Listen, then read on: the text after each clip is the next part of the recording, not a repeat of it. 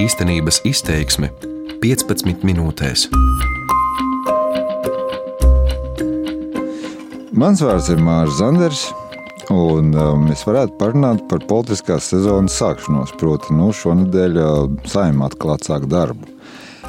Bet es gribētu sākt ar kādu smieklīgu, bet patiesu atgadījumu zinātnes vēsturē, kas uh, parāda, cik viegli veidojas pārpratumi, cik maz viens otru saprot ļaudis, kuriem principā it kā vajadzētu būt nojausmai par to, ar ko kolēģi nodarbojas. Tātad 1970. gadā astrofiziķis Vilēms Leitens lūdza ASV valdībai finansiālu atbalstu zinātniskas konferences sarīkošanai Skotijā.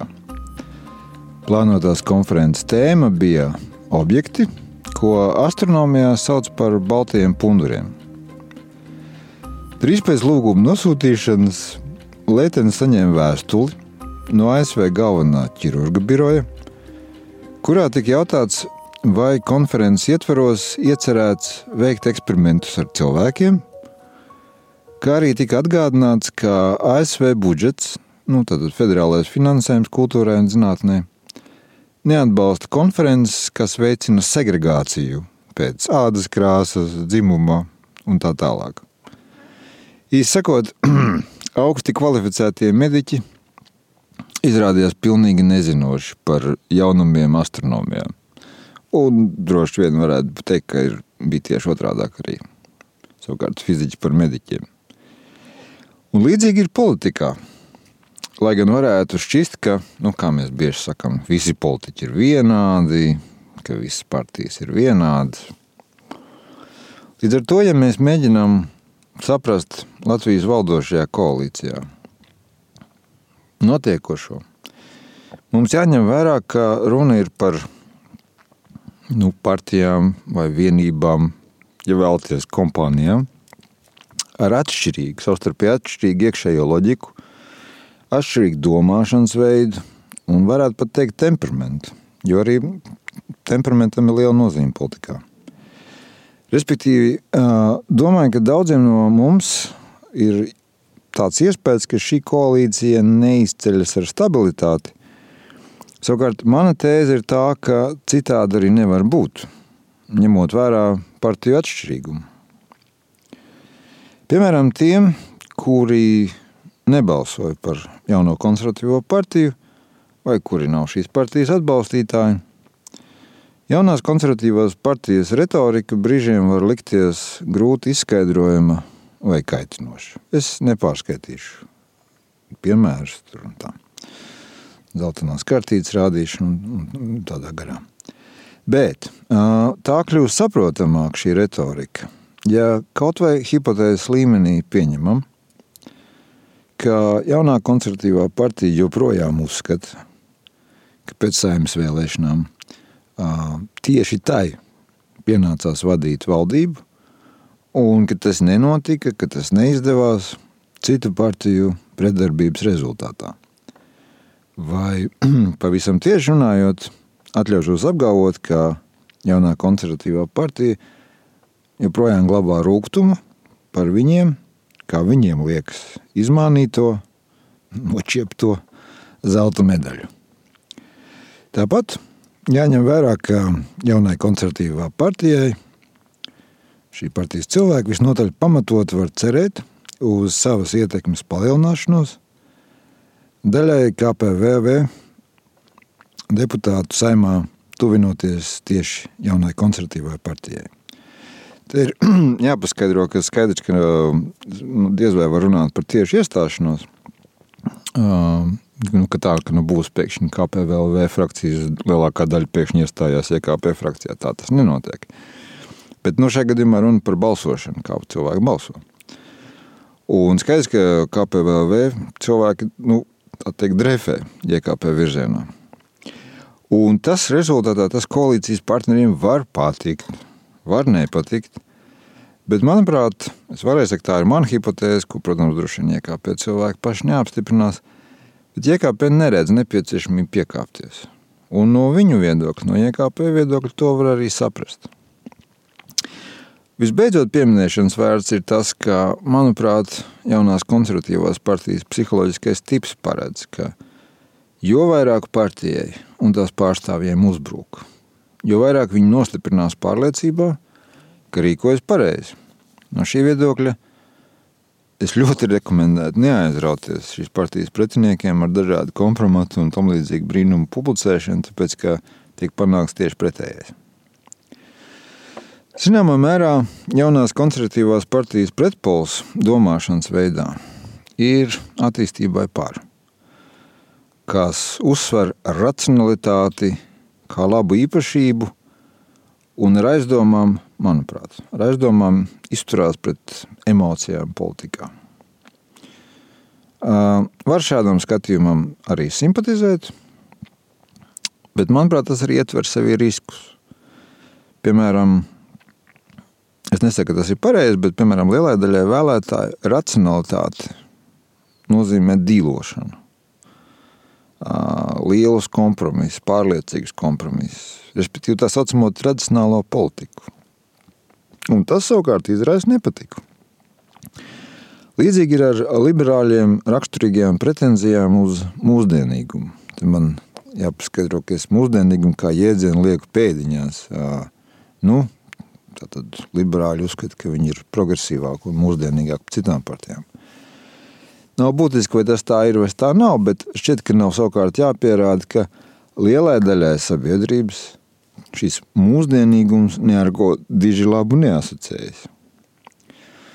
Un līdz ar to attīstībai par lielais jautājums, manuprāt, šobrīd ir neskaidrība par uh, elektorātu ar ko liberāļi var rēķināties, ar reāliem apmēriem šī elektorāta. Jo tas, protams, būs mans minējums, bet es atļaušos apgalvot, ka vēl apmēram pirms gada, nu, respektīvi, kad bija vēlēšanas un tā, arī pēc vēlēšana rezultātiem, attīstībai par prognozēja, ka viņi iegūs arī pa visām vīlēm tobrīd šķīstošās jaunās vienotības balss. Nu, tāpēc, tas ir kā līdzīgas kompānijas un, un tā. Nu, izrādās, ka ziņas, kā saka, par jaunās vienotības politisko nāvi ir bijušas nedaudz priekšlaicīgas. Teikt, tā nu gluži nav, ka visi mūk no vienotības projām, maigi sakoties. Attiecīgi attīstībai par viņi tagad saskars ar problēmu. Palikt tādā liberāļu tradicionālā elektorāta robežās, nu, kas ir, tas nav mans izdomājums, tā arī daudzās valstīs, tas ir tas apmēram 5-10% no, no, no elektorāta. Vai arī tomēr kaut kā mēģināt šo savu daļu palielināt uz jaunās vienotības rēķinu, bet vienlaicīgi nenogāžot valdību, nu, kas ir smags vingrojums. Respektīvi, divām no koalīcijas partijām, lai arī ko viņi teiktu, viņi teiks tieši pretējo? Divām no koalīcijas partijām objektīvi nav dižas intereses, lai premjeras un premjera partija sabiedrības vērtējumā izskatītos labi. Es nekritizēju vai, vai kaut kādā ziņā to nevērtēju. Vienkārši, manuprāt, šeit ir nu, objektīva priekšnoteikuma šādai situācijai. Labi, mums vēl ir pārbeidzis pēc dažas partijas. Turpinot astronomisko salīdzinājumu modeli, Nacionālo, attīst, Nacionālo apvienību varētu apzīmēt par uh, Bruno Punduri. Par tādiem sauc debesu ķermeņus, kuriem masa ir mazāka nekā zvaigznēm, tomēr lielāka nekā planētām. Un vispār nu, ir tā, ka astronomijā īsti precīzi definīcijas, kas tie brūnie punduri tādi ir, nav. Savukārt KPVLV līdzinās, manuprāt, teksta iesākumā minētajiem baltajiem punduriem. Tādi rodas, kad zvaigzne ir iztērējusi degvielu, nu, es šajā gadījumā tā ļoti nezinātniski izsakos, bet nu, iztērēju degvielu, un faktiski tādā miršanas stadijā. Bet tā kā man uzreiz arī jāsaka, ka kodols, starp citu, saglabājas arī pēc tam, ka viņa kā zvaigzne ir jau tā teikt izdzisusi. Savukārt, jaunā vienotībā droši vien, es tā pieļauju, gribētu redzēt sevi kā sarkano milzi. Tas ir tāds astronomisks ķermenis, kuram ir blīvs kodols un liels retināts apvalks. Nu, bet es atklāti sakot, neesmu īsti pārliecināts, ka, ka tā ir. Ok, te vietā būtu aicinājums beigt muļķoties un, un labāk mēģināt prognozēt, ar ko tas viss beigsies. Nezinu, bet iespējams, ka jautājumu vajadzētu formulēt vispār citādi. Jo, kā, ņemot vērā, ka šis ir subjektīvs viedoklis, tad uh, mani atklāti sakot, neinteresē konkrēti partiju reitingi un šo partiju cilvēku labsajūta.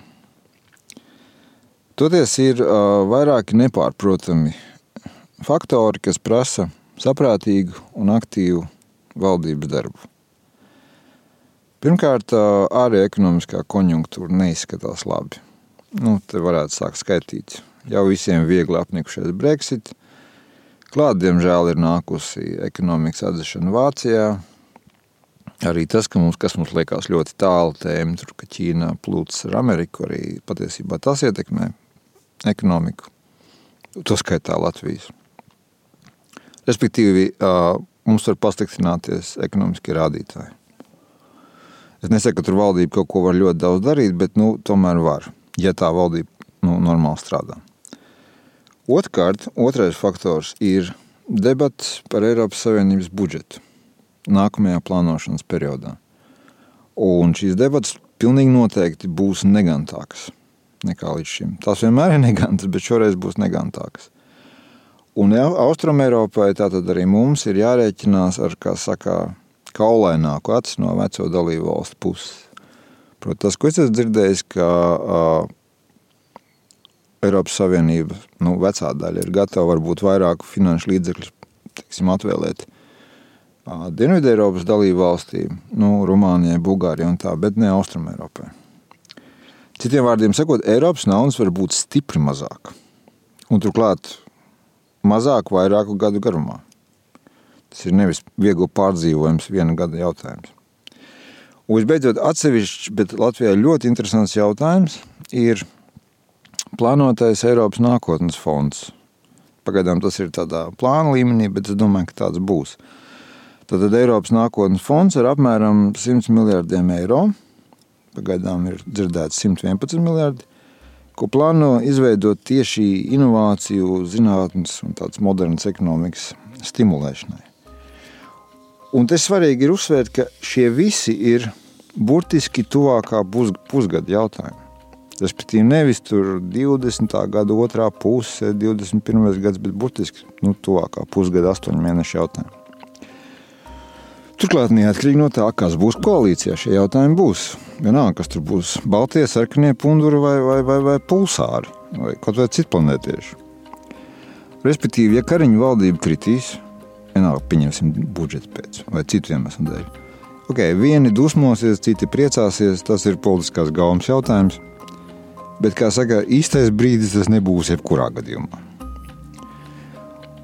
Un es aptuveni nojaušu daudzu cilvēku attieksmi pret uh, partijām, pret valdību. Es, es pieņemu, ka ir iebildums, ka valdības tāpat nekad nav īsti mācējušas aizstāvēt Latvijas intereses ārzemēs. Vienmēr ir piekāpušās un tā joprojām.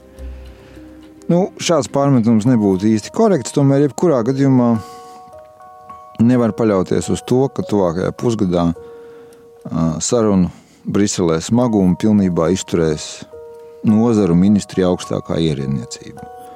Protams, ka ir ļoti labi, ja, piemēram, ministrijām ir atbildīgi un, un profesionāli valsts sekretāra postenī, valsts sekretāra vietnieku postenī. Viņi var braukt uz Briseli un, un visus šos jautājumus risināt, bet bez ministriem arī īsti nevar. Tādēļ noslēgumā man jāsaka, ka neatkarīgi no politiskajām simpātijām, derētu līdz nākamā gada pavasarim izvairīties no pārāk krāšņas uguņošanas Latvijas politiskajās debesīs. Tas bija mans Mārcis Zandera viedoklis. Īstenības izteiksme 15 minūtēs.